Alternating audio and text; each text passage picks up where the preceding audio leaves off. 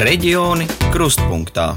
Tukšas aktieru ģērbtuves un skatītāju rindas, tumša skatuve. Tāda nu jau vairākus mēnešus ir bijusi amatieru teātru realitāte. Tikmēr koristiem un dejotājiem mēģinājumi parkā uz soliņiem, sadziedāšanās pie datora ekrāniem, dejas stāvlaukumos.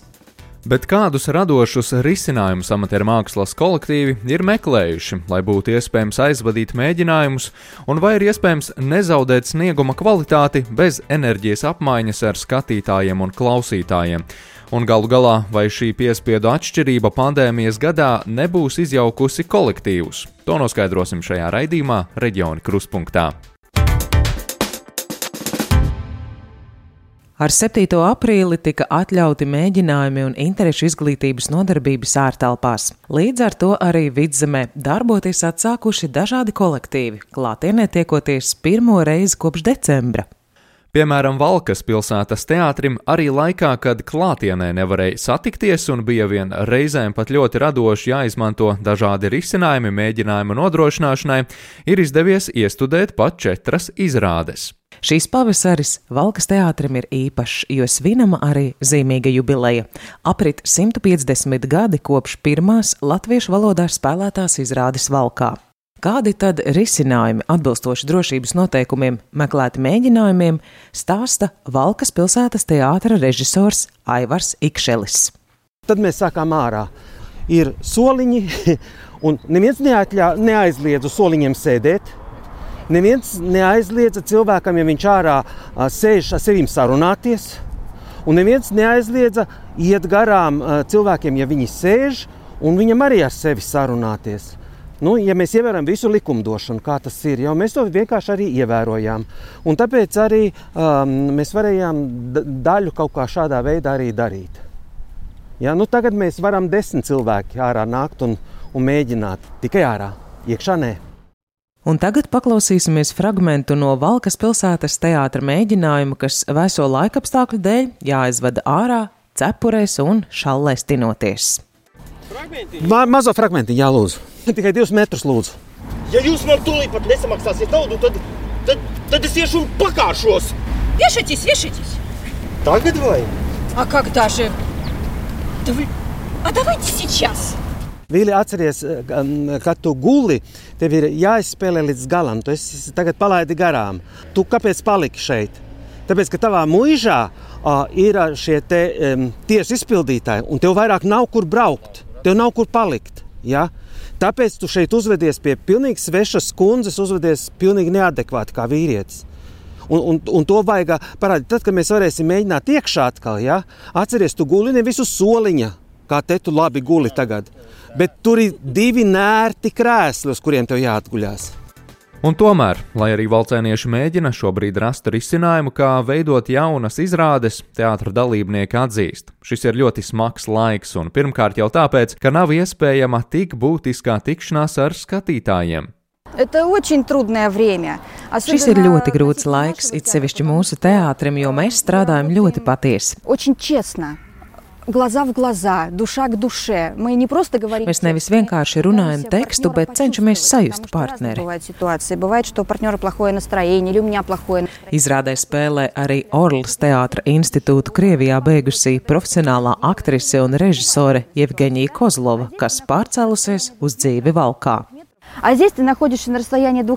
Bet te ir tā divu metru distance. Divu metru attālumā tu nejūti partneri. Tu centies aizkliegt savu tekstu, lai sasniegtu viņu, un tik un tā tuvinies viņam, lai vai kas būtu tavs partneris. Jo tu gribi viņu sajust. Bet atduries pret to divu metru distanci. Nedrīkst. Jājūt viens caur attālumu. Mēģinājumi parkā uz soliņiem bija viens no pandēmijas laika risinājumiem, lai kaut vai pielāgoti, bet teātris varētu turpināt darbu.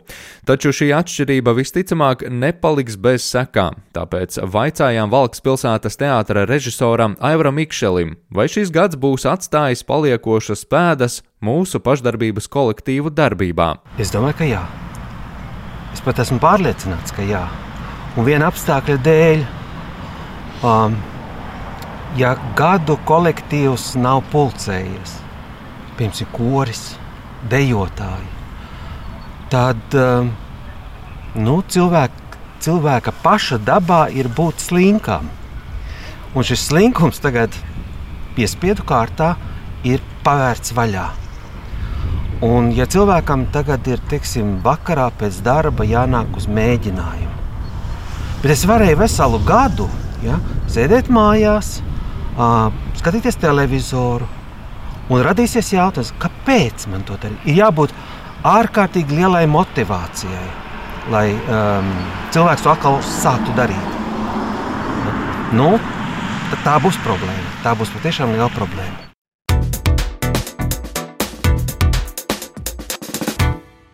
Arī Alūksnes amatieru teātra kolektīvs ir atradis risinājumus, lai darbību nepārtrauktu un kaut attālināti, bet turpinātu darbu pie jaunās izrādes, stāsta Alūksnes amatieru teātra dalībniece Vera Sedleniece. Tas nav zūms, mēs savādi. Nu, mums ir cita tā vietne, kur mēs satiekamies un, un mēģinām. Nu, protams, tāda lūgu analīze jau nekad nav notikusi, kā tagad mēs to darījām. Mēs izķidājām visos sīkumos par katru personāžu, kas viņš varēja būt, kur viņš varēja celties, kā viņš te ir nonācis un kāda ir viņa jaunība bijusi. Nu, ļoti interesanti patiesībā, jo tas jau, kad mēs tikāmies un kad tas notika normālos apstākļos, tad jau nav laika. Tad mēs ātri, ātri, nu, tas galda process, tas vairs jau nav tik garš un ātrāk, ātrāk iemācīties un ātrāk, lai mēs tiekam uz skatuves. Taču nokļūt uz teātra skatuves aizvien nav atļauts, bet arī šajā situācijā alūksnieši domā radoši, izrādes laukumu izveidojot brīvdabā. Teātris lieksnis režisore Daiga Bētere norāda, ka skatuvi tomēr nevar aizstāt nekas. Mēs sākām sadarboties ar scenogrāfu, scenogrāfu skices jau uzzīmēju. Tagad sākam pielāgot dekorācijas, kostīmu mākslinieks, uzrunāts komponists, uzrunāts visi labi. Un, nu, jātaisa ārā spēles laukums, kurš ir izmēros tāds pats kā šī skatuve, ar domu tādu, ka tad, kad tagad jau jāsaka, nevis pandēmijas iespējā, bet kad da, laika apstākļi ļaus, lai mēs varam tā pilnīgi ritīgi sākt atrocīt rokas un sākt staigāt pa skatuvi. Abu teātru kolektīvi neslēpj, ka šis laiks bijis izaicinājumu pilns, taču cilvēks spējot pielāgoties, vien jārod radoši risinājumi.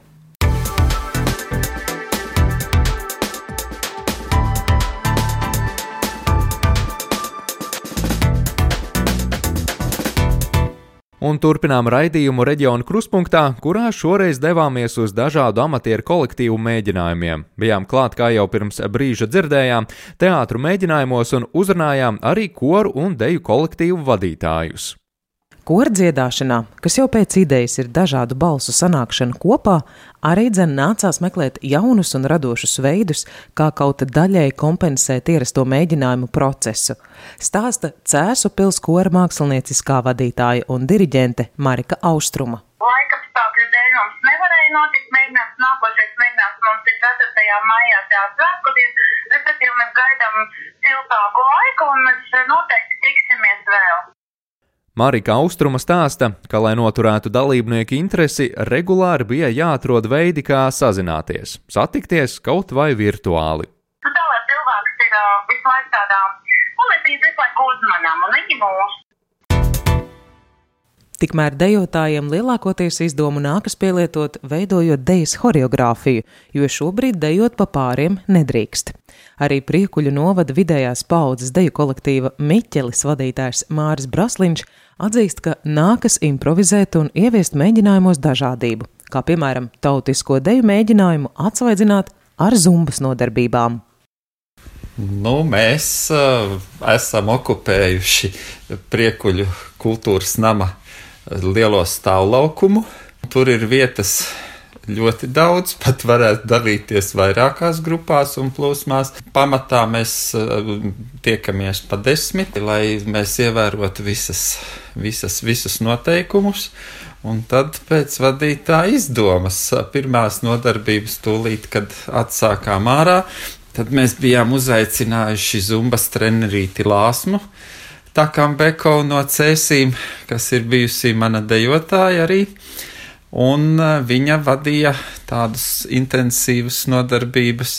Nu, tagad esam turpinājuši, turpinām ar, ar, ar dažādu deju soļu apguvi. Nu, vienkārši gaidām skaistu laiku, varbūt varēs vēl kaut ko izdomāt, kaut kādas aktivitātes. Nu, gribam jau dejot pāros, bet tas pašreiz nav iespējams. Nu, tad visādus variantus te gudrojam.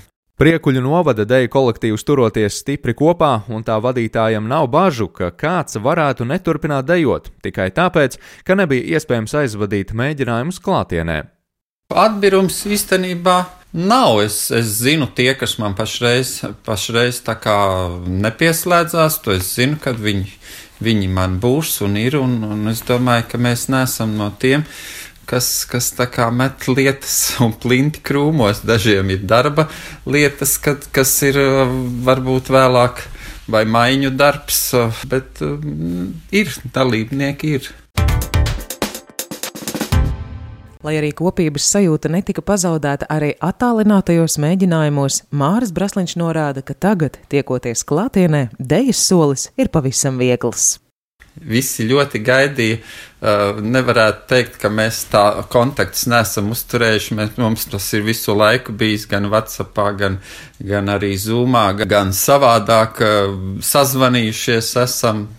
Mēs jau tā kā tāda liela ģimene. Uh, zinām viens pa otru, tad mēs esam arī domājuši, ka, kā, kā sevi drusciņi papriecēt un, un, un tā, un kādā brīdī esam bijuši arī kādos pārgājienos. Protams, regulāru klātienes treniņu trūkums jebkuram kolektīvam ir zaudējums, arī dejotājiem, jo deja tomēr ir nopietna fiziska slodze. Grūti pateikt par tām kvalitātēm. Es domāju, ka tas ir tas tāpat arī kaut kur varbūt drusciņš šobrīd attiet, bet es nedomāju, ka tas ir ilgstoši. Tas ir nu, vienkārši mums ir jāatjaunoties savi resursi un viss pārējais. Tāpēc um, es domāju, ka tas jau nekur ļoti nepazudīs, bet, bet nu, ir tāda zināma, varbūt atkritiens ar to, ka kad drusciņš fiziskais ir pazudis, kad, kad izturības vingrinājums, kardio ir atkritis, jā, bet um, es ceru, ka viss būs kārtībā un ka mēs varēsim turpināt. Domu lidojums, kā un kur aizvadīt nodarbības šajos apstākļos, ir katram savs, un jāteic, ka tikpat radošs kā pati amatieru māksla. Te arī no sevis varu teikt, ka daudzgadīgs tautas deju dejotājs ir labi, ka atkal varam satikties, vien pietrūksta mērķa, kam gatavoties. Reģioni krustpunktā no vidzemes šoreiz ir izskanējuši. Raidījums veidots RTV pēc programmas Latvijas Rādio 1 pasūtījuma. Raidījumu veidoja Oskars Brasliņš, Solvita Stara, un raidījuma tapšanā pateicamies par sadarbību arī RTV Madonas kolēģei Ramonai Zariņai. Raidījuma ierakstu variet klausīties Latvijas Rādio 1 mājaslapā, Latvijas radio.clv, kā arī podkāstā. Lasīt rakstu var sabiedrisko mediju portālā lsm.clv. Jau pēc nedēļas raidījumā Reģiona Krustpunktā mūsu kolēģi no Latvijas radio Latgales studijas stāstīs, kā Latgales pašvaldībās šobrīd plāno jauno novadu administratīvo struktūru un kas uztrauc pašus iedzīvotājus.